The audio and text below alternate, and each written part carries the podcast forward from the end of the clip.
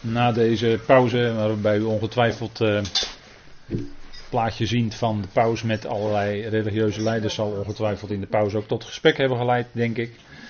Maar we gaan verder met de schrift. En uh, dit is natuurlijk wel wat past in het kader van de eindtijd, waarin uh, alle religies één moeten worden. En die eenwording, dat is, daar wordt door allerlei organisaties aan gewerkt. En wordt ook altijd vanuit bepaalde richtingen wordt dat natuurlijk ook allemaal betaald. Hè? Wordt ook dat geld, hè? dat komt daar vanuit een bepaalde richting allemaal, vanuit bepaalde bronnen. Maar goed, dat kunt u wel raden, denk ik. We gaan even naar openbaring 6. En we leggen dan de schrift naast elkaar. Dat wil zeggen, wij zien ook in profetieën van Tenach dezelfde dingen staan als die we in openbaring lezen. En dat is heel logisch, want openbaring, dat weet u, dat zijn de uitlopers van de profetieën. Dus dan worden de lijnen, de laatste lijntjes worden daarin getrokken, die al in profetieën getrokken zijn. En eh, wij zien dat bijvoorbeeld in, bij de profeet Joël. Gaan we even naar Joël.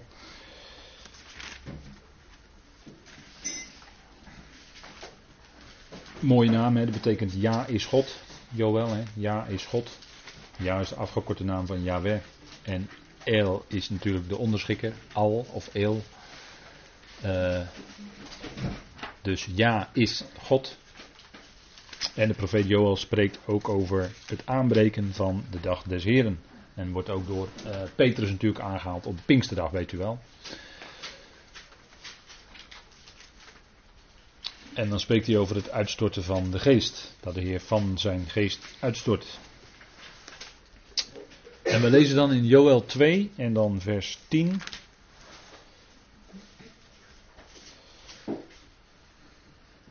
Want daar lezen wij dezelfde dingen. Bij die aanblik siddert de aarde, beeft de hemel. we hebben vaak over een aardbeving, maar dat is dan tegelijkertijd ook een hemelbeving. Zon en maan worden in het zwart gehuld en de sterren trekken hun licht in. dus dat doet toch heel sterk denken aan wat je ook in openbaring leest. En de Heer laat zijn stem klinken voor zijn leger uit. Hier is de Heer Zebaot. Want zijn leger is zeer groot. Ja, machtig is hij die zijn woord ten uitvoer brengt. Groot is immers de dag van de Heer.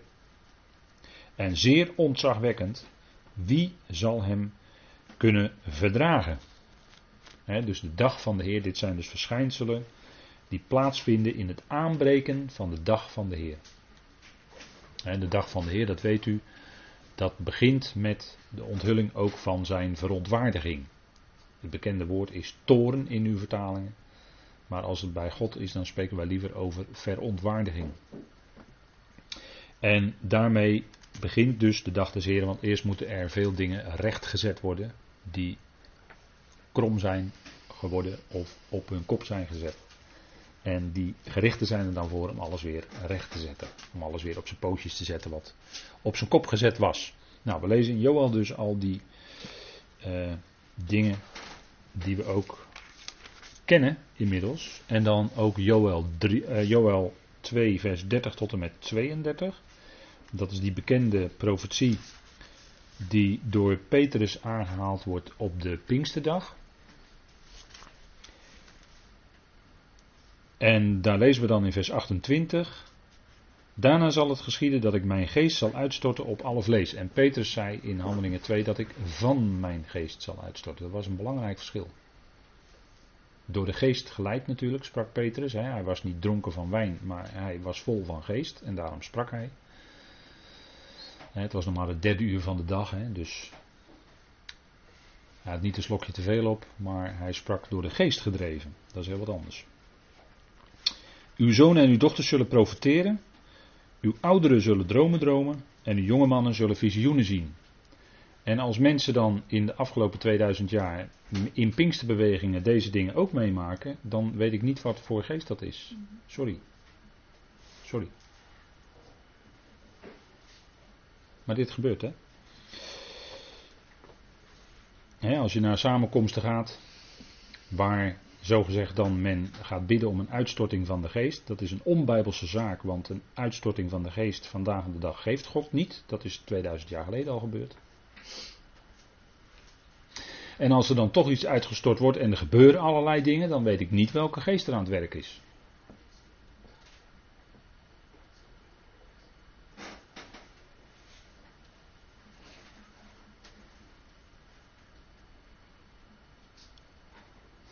Ja, zelfs op de dienaren en op de dienaressen zal ik in die dagen mijn geest uitstorten.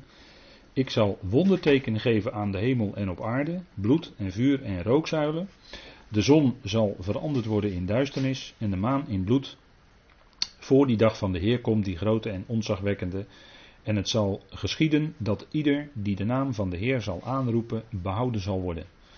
En een voorvervulling daarvan zag je op de Pinksterdag, toen er 3000 tot ommekeer kwamen. Hè? Zij riepen de naam des Heren aan en zij werden toegevoegd aan de koninkrijksgemeente. Dat is niet het begin van de kerk of van de gemeente, maar dat is het begin van de koninkrijksgemeente.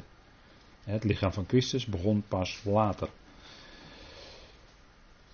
En het zal geschieden dus dat ieder die de naam van de Heer aanroept gered zal worden, want op de berg Sion en in Jeruzalem zal ontkoming zijn, zoals de Heer gezegd heeft, namelijk bij hen die ontkomen zijn, die de Heer zal roepen. En ontkomen kun je dan als de olijfberg splijt en je kan dan Jeruzalem uitvluchten vluchten door dat dal, dan kun je ontkomen. En mogelijk, hè, omdat hier gesproken wordt op de berg Sion, dat er mogelijk bij de berg Sion ook een vluchtroute is, dat weet ik verder niet. Maar dat is omdat de berg Sion hier uitdrukkelijk wordt genoemd. En omdat de 144.000 later ook gezien worden op de berg Sion. En die zullen sowieso bewaard worden, want die zijn verzegeld aan hun voorhoofd. Dus daarover moet u ook, hè, die dingen moet je dan naast elkaar leggen. Wat je in openbaring leest en in profetie, naam Sion, de berg Sion, moet je kijken, hé, hey, waar wordt nog meer gesproken over de berg Sion en wat lees ik dan? Wat zie ik daar? Schrift met schrift vergelijken. Dat is belangrijk. Dan, want de schrift verklaart zichzelf dan. De schrift legt zichzelf dan uit. Nou, dit zijn verschijnselen die we dus lezen bij openbaring 6. Dat is het einde van de laatste jaarweek van Daniel en dus het begin van het koninkrijk, als de Heer zijn koninkrijk gaat oprichten. En dan zullen deze dingen gaan plaatsvinden. En dan zal ook pas echt de uitstorting van de geest komen. Dan pas echt, want dat staat hier in Joel, dat het dan echt gaat gebeuren. En dan Joel 3, vers 15 tot en met 17. En Joel 3 wordt ook gesproken over de oogst. Hè? De oogst. En als ik aan u nu vraag, wat is de oogst? En we hebben het vanavond al gehad over Matthäus 13, hè? wat is de oogst? De oogst is het einde van deze aion. De oogst is de voleinding van de aion, zegt de Heer Jezus. En hier in Joel wordt gesproken over de oogst hè, als beeldspraak. En de oogst is de voleinding van deze aion, van deze boze aion. Leest u het maar na hè? In, in Matthäus 13. Het gaat over het einde van deze boze aion. Ik geef het u maar mee ter overweging. Zon en maan staat er dan in, in uh, Joel 3 vers 15. Zon en maan worden in het zwart gehuld en de sterren hebben hun schijnsel ingetrokken. De Heer zal vanaf Sion brullen. Want hij komt dan als de leeuw van Juda. En daarom zal hij brullen. Dat is natuurlijk beeldspraak. Maar hij spreekt wel dan. En vanuit Jeruzalem zal hij zijn stem laten klinken. Ziet u het? Zodat hemel en aarde zullen beven. Maar de Heer is een toevlucht voor zijn volk en een vesting voor de Israëlieten. De Heer is een toevlucht, dat is altijd zo, dat is vandaag de dag ook. De Heer is een toevlucht voor je. Mooie beeldspraak voor wie de Heer is. Hij is werkelijk een toevlucht in de dag van benauwdheid. En ook in ons leven komen er dagen van benauwdheid voor. En dan is de Heer toevlucht.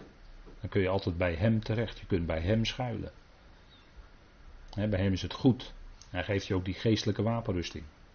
Om te kunnen standhouden tegen de brandende pijlen. die, worden, die worden afgeschoten. Zeker, zeker. Als je het woord wil volgen, dan krijg je dat. En daarvoor hebben we die geestelijke wapenrusting. En dan is de Heer voor ons een toevlucht. Onder zijn vleugels, ook een mooie beeldspraak. Onder zijn vleugels is het dan goed, is het dan veilig, ben je bij hem. Dat is altijd goed dicht bij Hem te zijn, dicht bij Hem te leven. Dat is goed. je niet te laten in de war brengen door alle zorgen die, met het leven, die het leven met zich meebrengt. Natuurlijk, dat hebben we allemaal, die zorgen. Maar ten diepste kunnen we alles met gebed onder dank met Hem bespreken. En ten diepste hoeven we dan ons niet eens zorgen te maken. Dat is wonderlijk, hè? Terwijl je elke dag loopt zorgen te maken, denk je dan. Als mens. Loop je elke dag zorgen te maken. Dan over dit, dan over die, dan over je huishouden, dan over hoe het morgen nou verder moet, dan over de gemeente. Dan over... Je kunt je zoveel zorgen maken. maar dan is het goed om naar de Heer te gaan met al die dingen. En die dingen met Hem te bespreken onder dankzegging. En wat is nou die dankzegging? Waarom kunnen wij danken? Ondanks alle dingen die we bij Hem brengen omdat we weten dat Hij het zal doen uitwerken, uiteindelijk toch tot wat Hij goed vindt.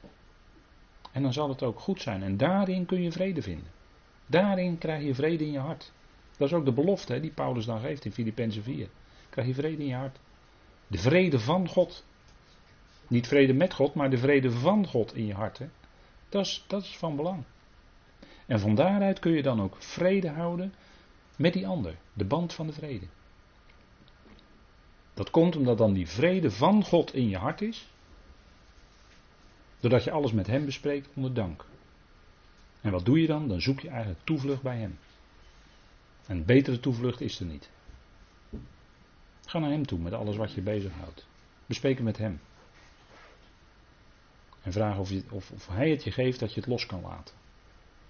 En als Hij het geeft dat je het los kan laten, met die dankzegging die dan in je hart is, ja, dat is geweldig. Dan heb je die vrede ook. Hè? Dan, dan is dat die niet te verstoren vrede die ook bij God is. Omdat God alles zeker volgens zijn plan uitwerkt. Maar dat dan iets van die vrede ook in je hart is. Dat is geweldig. Hè? Nou, de Heer is een toevlucht. Hè? Dat, dat staat hier. Hè? Geweldig. De Heer is een toevlucht. Ook straks voor zijn volk Israël. Maar voor ons nu al veel hoger en veel dieper nog, zou ik willen zeggen. Nu al. Voor ons als gemeenteleden. Hè? En hij is een vesting. Daar hebben we het, hè? Vesting. Dat je gedachten bewaard worden als in een vesting, zeggen we dan. Dat is het Griekse, daar gaat het Griekse woord naartoe, hè, in Filippenzen 4. Dat weet u. Als in een vesting. Hebben we het hier ook, hè? misschien heeft Paulus wel gedacht aan dit soort woorden toen hij het opschreef. Toen, toen God het hem gaf om het zo op te schrijven in Filippenzen 4, heeft hij misschien wel aan dit soort beelden gedacht hè, uit de nacht. Het woord wat hij kende. Nou, dus hij bewaart jouw gedachten als in een vesting. Ah, dat is fantastisch, hè? Dat is, uh, ja, de ware weg tot, tot echte vrede in dagelijks leven, in de praktijk. Maar goed, we gaan even terug naar Joël. We hebben gelezen over woorden uit Joël die we ook in openbaring terugvinden. En we zien dan ook in Matthäus 24, dat hebben we al met elkaar gelezen. En dat heb ik hier ook even op deze dia gezet. En dan even voor de tijd. Ik heb het al een paar keer gezegd hoor. Maar even voor de tijdbepaling. Matthäus 24, vers 29 hè, lezen we dat de Heer Jezus hetzelfde al had gezegd tegen zijn discipelen. Wat hij later ook weer door Johannes liet opschrijven in, in, op Patmos. En meteen na de verdrukking van die dagen zal de zon verduisterd worden, zal de maan haar schijnsel niet geven, en de sterren van de hemel zullen vallen, en de krachten van de hemel zullen heftig bewogen worden. En de krachten van de hemelen, hè, daar heb je weer dat meervoud. Dus hier heb je heel mooi dat enkelvoud en dat meervoud bij elkaar in één vers. En de krachten van de hemelen zullen heftig bewogen worden. Dat zijn die geestelijke machten want de, de hemelen worden bevolkt door geestelijke machten. Die kunnen wij niet zien. het zijn geesten. Maar die zijn er wel. als Jezaja zegt in Jezaja 1. Hoort hemelen. Wat zegt hij dan? Dan spreekt hij tot, eigenlijk tot die geestelijke machten. Die moeten dan ook luisteren. Want God spreekt. En dan zegt hij daarna aarde. en aarde. Leg je oor te luisteren. Maar als hij zegt hoort hemelen. Ja die hemelen kunnen natuurlijk niet horen. Maar die machten die in de hemelen wonen. Die kunnen dat wel horen. En daar spreekt hij tegen en die horen dat. God spreekt. Nou, dit is wat duidelijk is, wat gaat gebeuren. En daarom is er al, al honderden jaren zoveel beweging in die geestelijke wereld. Dan bedoel ik dus de tegenkracht hè, tegen Christus, tegen Jezus Christus. In die geestelijke wereld is al honderden jaren in beroering, is bezig, plan uit te werken. En dat komt omdat dit moment natuurlijk steeds dichterbij gaat komen. Dat die geestelijke machten uitgeschakeld zullen worden. Dat Babylon zal vallen, om daarna nooit meer als stad er te zijn. Dat is dan definitief, hè, Babylon. Dat is dan het definitieve einde van Babylon. Zal er nooit meer zijn. Maar die krachten en machten die in Babylon dan wonen, demonen, onreine geesten, die zullen dan ook uitgeschakeld worden. En dat weten ze. En de tegenstander weet het als geen ander. En hoe meer dat moment dichterbij komt, hoe meer activiteit er is in die geestelijke wereld. En dat zien we vooral in de laatste honderd jaar, maar honderden jaren zou je ook kunnen zeggen, is er toenemende activiteit. En dan bedoel ik dus het geheimenis van de wetteloosheid. Het geheimenis, dus het gebeurt in het verborgen allemaal. Maar het gaat door, het gaat heel hard. En wat dan naar boven komt zijn revoluties. Beginnen met de Franse revolutie, dat was de blauwdruk. Voor alle opvolgende revoluties. En een wereldoorlog is er ook een hoor, denk erom. Maar dat zal nog verder gaan toespitsen, zal gaan toenemen, totdat die grote, echte omwenteling komt en de Heer de aarde zal verlossen. want wij hebben een geweldige verwachting, wij hebben hoop, zekere toekomst. De Heer zal die hele aarde, die hele schepping gaan verlossen van het juk. Maar neem niet weg dat die krachten van de hemelen volop bezig zijn vandaag de dag om invloed te krijgen op de mensen. Nou, en dat komt, komt vanuit bepaalde bronnen. Goed, dat, en we zitten hier dan, hè, de tijdbepaling, we zitten hier dan na de verdrukking van die dagen. Dat is dus na de grote verdrukking over het volk Israël.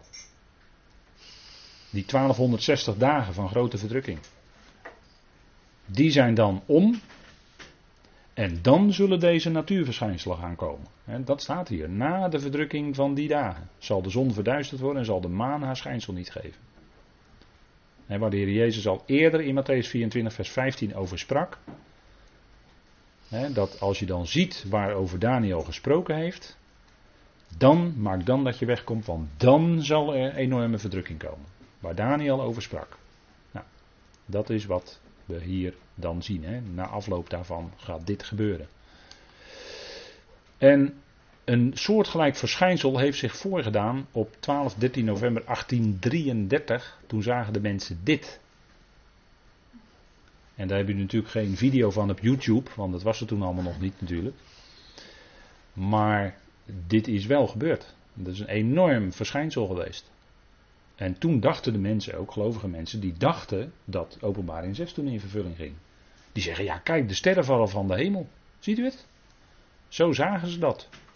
Er was grote beroering op de, op de aarde. Dit werd gezien, hè.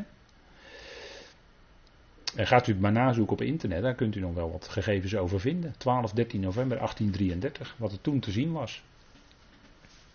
En een soort, dit is een, ja, een soort verschijnsel wat dan ook weer gezien zal worden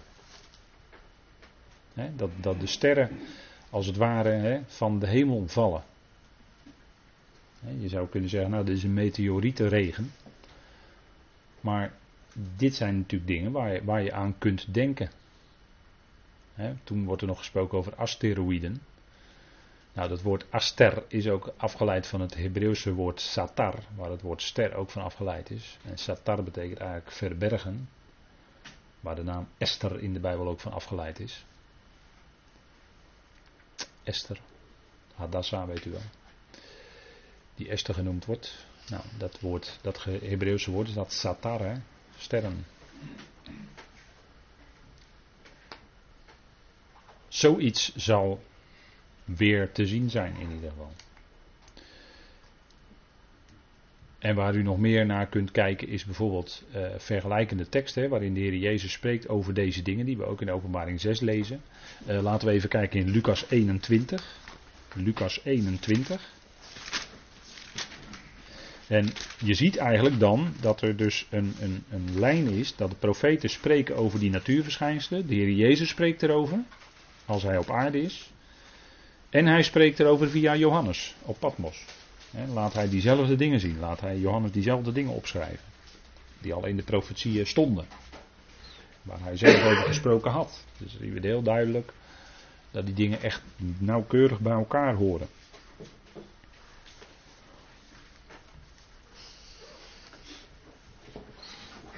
En dan lezen we even, lees ik met u even vanaf vers 20, Lucas 21 vanaf vers 20. Wanneer u zult zien dat Jeruzalem door legers omringd wordt, weet dan dat zijn verwoesting nabij is. Laten dan wie in Judea zijn, vluchten naar de bergen, en wie in het midden van en wie in het midden daarvan zijn, daaruit wegtrekken. het midden van, daar wordt waarschijnlijk Jeruzalem bedoeld. En wie op de velden zijn er niet ingaan, want dit zijn de, de dagen van wraak, opdat al wat geschreven staat vervuld wordt. Maar wee de zwangeren en zogenden in die dagen, want er zal grote nood zijn in het land en toren over dit volk. Er zal dan toren zijn. Ziet u, hier wordt het woord toren gebruikt, hè? verontwaardiging. Wil ik even op wijzen. Dit zijn de dagen van grote nood in het land en toren of verontwaardiging over dit volk. Dus hier wordt die grote verdrukking de toren genoemd. Die periode van grote verdrukking wordt hier genoemd de toren of de verontwaardiging over dit volk.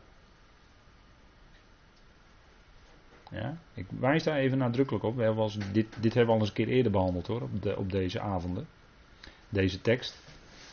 Maar dat betekent, als er dan staat dat de gemeente niet gesteld is tot toren, betekent dus dat wij als lichaam van Christus dit niet mee gaan maken.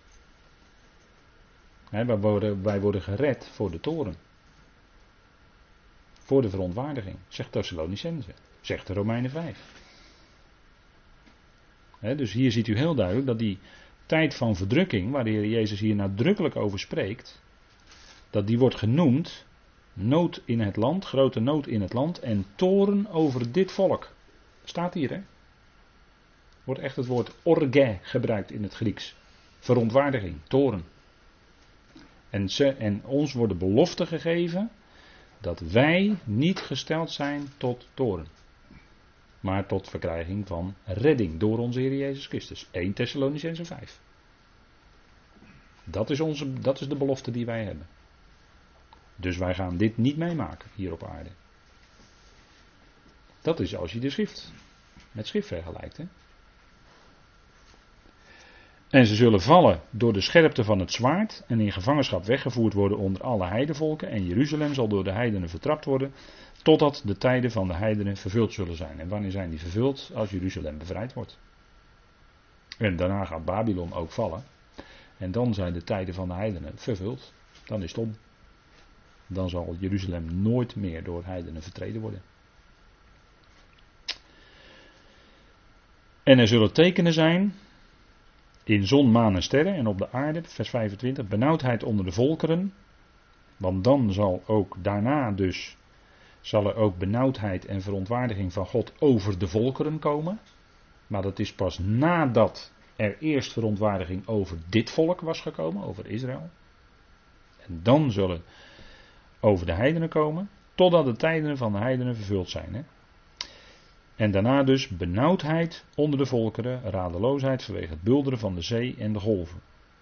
En het hart van de mensen zal bezwijken van vrees en verwachting van de dingen die de wereld zullen overkomen, want de krachten van de hemelen zullen heftig bewogen worden. En dan zullen zij de zoon des mensen zien komen in een wolk met grote kracht en heerlijkheid. He, dus enorme natuurverschijnselen waarbij de mensen terecht bevreesd zijn voor wat gaat komen.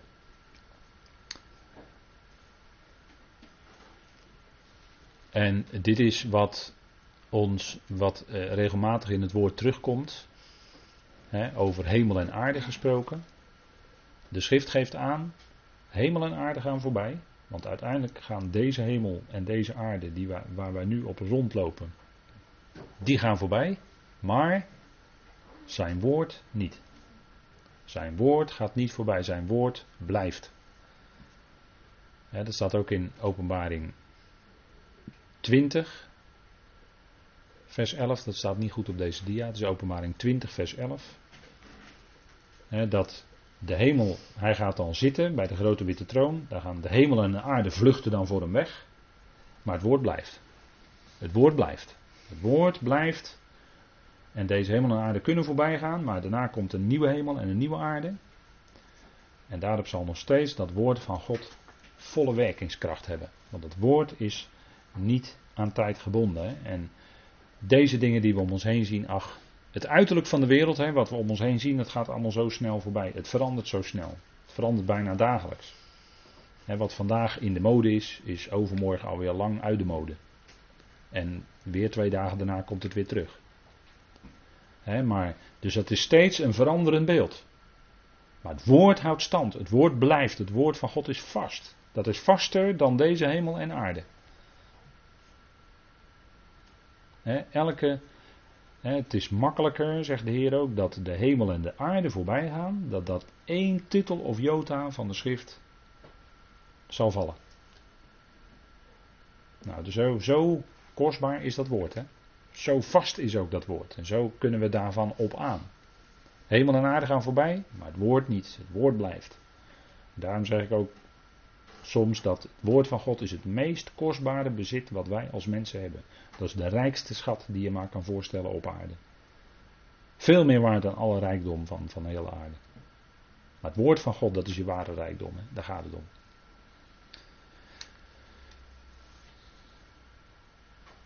En dan worden die sterren op de aarde geworpen. Misschien wel een meteorietenregen, wie zal het zeggen. En dan staat er zoals een vijgenboom zijn onrijpe vijgen afwerpt. Hè, zijn verschrompelde vijgen staat er dan eigenlijk in de, in de grondtekst. Zijn verschrompelde vijgen afwerpt als hij door een harde wind wordt geschud. Hè, en een vijgenboom, dat is in de schrift een type van regering, van heerschappij, van overheid. En een vijgenboom heeft dan te maken, laat maar zeggen, een vijgenboom heeft dan te maken met de regering door Israël. Dat is een type van de regering door Israël. Israël wordt dan ook voorgesteld als een vijgenboom. En de Heer keek onder de bladeren en hij zag geen vrucht. Dat wil zeggen, hij keek bij zijn volk en hij zag geen vrucht. Ze waren ook niet geschikt om op dat moment te regeren over de andere volkeren. En een wilde vijgenboom, waarin uh, bij gelegenheid een belastingambtenaar zat, Zacchaeus, hè, dat, die zat in een wilde vijgenboom. En dat was heel tekenend, want die wilde vijgenboom was een teken van de Romeinen, die het overheerste. Het is dan ook een wilde vijgenboom, een zogenaamde moerbij-vijgenboom. En dat spreekt van een vreemde overheersing, namelijk door de Romeinse overheid in die dagen. En Zacchaeus zat daarin als teken dat hij, ja, hij werd natuurlijk met de nek aangekeken door de andere Joden, want hij inde de belastingen en hij werd er zelf ook nog wijzer van. Hij hief nog ook nog wat extra voor zichzelf. Dus het was niet zo best, maar toch wilde hij de Heer zien en daarvoor ging hij in die wilde wijgenboom zitten. En daarin had hij ook beschutting, hè? Want de vijgenboom heeft grote bladeren. Je kunt het ook wel een beetje op die foto zien. Een vijgenboom heeft grote bladeren, dat is bedekkend hè. En dat is eigenlijk ook een beeld, dat is weer even wat anders, maar dat is dan een beeld van de werken van de mens. Vijgenbladeren. Dat is een beeld van eigen werken van de mens. Die als het gaat om redding er niet toe doen. Dat is al een hele oude les hè, uit Genesis, uit het begin al. Adam en Eva maakten zich schorten van vijgenbladeren, staat er dan. Ze bedekten zichzelf. Dat had te maken met hun zonde. Ze bedekten zichzelf. Eigen werken. Vijgenbladeren. Maar de Heer gaf er iets anders voor. Hij slachtte een dier en gaf hun dierenvellen als bedekking. En dat was een grote les, want hij wees daar in feite al mee op zijn eigen zoon. Die geslacht zou moeten worden. En dan worden wij niet met niet langer met onze eigen werken bekleed. Nee, dan krijgen we een hele andere bekleding, namelijk met Christus. Worden met Hem bekleed, met Hem overkleed. Eigenlijk een heel mooi beeld, hè? Scherpe tegenstelling tussen onze eigen werken? Die doen er niet toe. Gelaten brief. Genade. Hij heeft het volbracht. Kostbare prijs is betaald. Los geld voor allen. Geweldig, hè? En met hem zijn wij bekleed. Hè? God ziet ons aan in Christus. Geweldig. Nou, die wilde vijgenboom, even terug naar die wilde vijgenboom dan. Dat is een beeld van vreemde overheersing. Hè? Zo heb je ook een, uh, ja, je hebt eigenlijk vaak ook dingen in het wild. Hè? Je, hebt een, je hebt een olijf, maar je hebt ook een wilde olijf in de Bijbel. Hè? Je hebt ook honing. Nou, je hebt ook wilde honing. Hè? Je hebt ook tarwe, maar je hebt ook een soort wilde tarwe. Het is dan uh, het Cisanion. Hè? Dat lijkt net echt en dat groeit tegelijk op. Tot aan de oogst. Hè? En dan als er geoogst gaat worden, gaat blijken wat het is. Of het echte tarwe is of wilde tarwe. Hè? Matthäus 13 weer. Nou, zo heb je steeds die tegenstellingen. Gewoon en wild. Is altijd in de Bijbel aanwezig. Maar die vijgenboom, hè, het is hier een vergelijking die gemaakt wordt. De sterren vielen van de hemel op de aarde, zoals een vijgenboom zijn verschrompelde afwerpt als er door een harde wind wordt geschud. En daarom schudt de Heer ook wel eens aan een boom, hè, om te kijken wat er dan uitvalt. En dan staat er de hemelweek terug als een boekrol, daar hebben we vanavond al even over gehad. Hè. En iedere berg en elk eiland werd uit zijn plaats bewogen. Hè. Dat is wat hoor, dat is wat wat er dan gaat gebeuren. Dat is enorm. Hè. Die ene foto, dat is niet een echte tsunami, maar dat lijkt er wel op. Maar dat was uh, wonderlijk natuurverschijnsel, de ochtenddauw. En het leek net alsof het een enorme golf was die er aankwam. Daar heeft iemand een keer een foto van gemaakt. Heel wonderlijk. Maar dan, in die tijd, als er zulke enorme bevingen komen, dan komt er ook een zeebeving en dan zullen ook tsunamis er zijn. Hè? Daar moet u wel rekening mee houden. Als er zulke heftige dingen gaan gebeuren. Ja, dat is wat. Maar dan gaat, dat is het moment van de waarheid. Hè? Dan, dan, dan is ook, hè, staat in openbaring 10, dan is ook het geheimenis van God is vervuld. Dan is hij niet langer de verborgene, maar dan zal hij daadwerkelijk spreken door wat hij doet. En zal het ook gaan duidelijk zijn voor iedereen.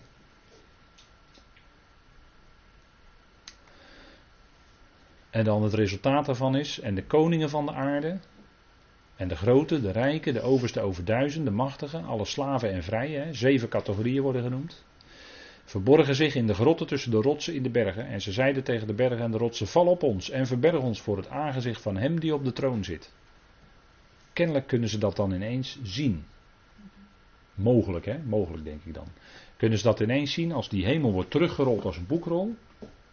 Kunnen zij kennelijk zien dat, dat er iemand daar op de troon zit? Dat is wonderlijk, hè? En, en dan zeggen ze dit, hè? Voor het aangezicht van hem die op de troon zit en voor de verontwaardiging van het lammetje. En wie kan bestaan? En, en soortgelijk iets, ja, we hebben geen tijd meer, maar moet u maar lezen. Op de dia staan de teksten erbij. Hè. Jezaja 2, Hosea 10, Lucas 23, wordt over diezelfde dingen gesproken.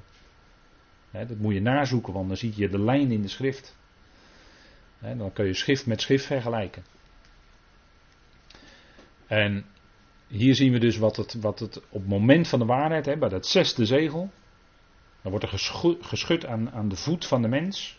Dan zal de mensheid wankelen. Hè, zo staat het ook in Deuteronomium.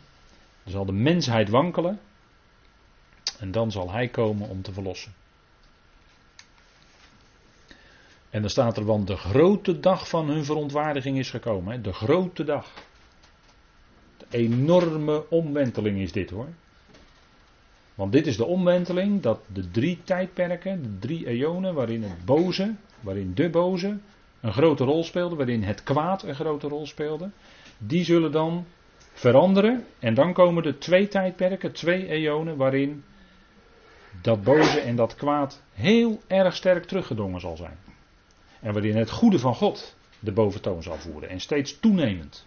Dus dit is de omwenteling, de grote crisis waarin deze boze aion door een goede revolutie zou ik dan willen zeggen, door God zelf, door het lam, zal omgezet worden naar die geweldige tijd van shalom op aarde, daarna de nieuwe aarde. En wij als lichaam van Christus, als leden van het lichaam van Christus, zullen dan zijn boven bij die hemelse machten en krachten. De krachten van de hemelen is vanavond diverse keren naar voren gekomen. Wij zullen voor die krachten en machten van de hemelen ook geweldig goed nieuws hebben. En we zullen mogen meewerken om die krachten en machten, die geesten, die geestelijke machten, tot onderschikking te brengen aan de Christus.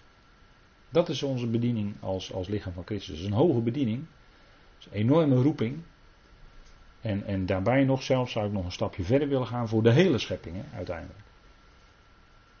Dus dat is enorm hè, wat onze roeping is. Nou, het antwoord op die vraag, hè, wie kan dan staan, die vinden wij in hoofdstuk 7 van Openbaring. En daar gaan wij de volgende keer mee verder. Op dat antwoord. Met dat antwoord gaan we de volgende keer verder. Goed, ik stel voor dat wij de Heer danken. Trouw vader, wij danken u dat we met elkaar uw woord mochten lezen. Vader, en dan hebben we uw woorden naast elkaar gelegd, die verbinding met elkaar hebben, waarin dezelfde dingen beschreven staan. De profeten hebben erover gesproken, Vader. Uw profeten die u riep, hebben erover gesproken. Uw zoon spreekt erover. Vader, dank u wel dat we die vastheid van uw woord hebben. En dank u wel voor de betrouwbaarheid van de Heilige Schriften. Dank u wel dat we zien waar het naartoe zal gaan, waar het op uit zal lopen. Uiteindelijk op redding voor heel de schepping. Verzoening van allen. Vader, dat is het geweldige wat klinkt in dat evangelie wat Paulus mocht brengen. Het evangelie van de verheerlijkte Heer. Dank u wel, Vader, dat we dat mogen weten, dat we daar iets van mogen weten. Vader, mogen we daar meer van gaan verstaan. En dank u wel dat we ook deze profetische woorden nauwgezet mogen nazoeken. En daarin zien de redding die u gaat brengen, ten diepste. Vader, want uw gerichten zijn altijd tot correctie. Is nooit een doel op zichzelf, maar is altijd corrigerend. Om tot heil te komen, tot redding te komen, tot heerlijkheid. Vader, dank u wel dat u veel groter bent dan al die aardse en hemelse machten en krachten. En dat u alles terecht zal brengen. Vader, dank u wel voor uw plan wat u uitwerkt. Dank u wel ook voor hoe u werkt in ons persoonlijk eigen leven van elke dag. Vader, dat we al die dingen met u mogen bespreken die ons bezighouden. Dat u daarvoor mogen danken hoe u het uit gaat werken. Dat we daarna uit mogen zien. Dat zal altijd het goede zijn, Vader. Dank u wel dat we dat woord hebben. Vaste grond voor ons onder onze voeten. Dank u wel, Vader, voor uw trouw, uw goedheid, de zegeningen die u geeft. Vader, dank u wel dat we zo vanavond weer een stapje konden zetten in dat grote Bijbelboek.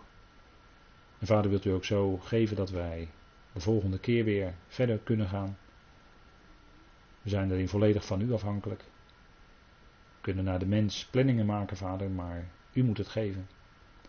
Dank u wel, Vader, dat we u mogen danken en ook voor de komende dagen onszelf aan u mogen aanbevelen. Beseffen dat u ons leven in uw hand heeft en dat we altijd bij u geborgen zijn. Dank u wel voor uw trouw, uw goedheid, voor ieder die hier kon zijn, voor en ieder die dit later nageluisterd heeft. Dank u wel, Vader, dat u al die harten kent, dat u ze lief hebt. En dat we gezamenlijk u de lof en de eer en de dank mogen brengen. Voor alles wat u geeft, voor alles wat u doet. Vader, wij loven en prijzen en dank u daarvoor in die machtige naam van uw geliefde Zoon. Amen.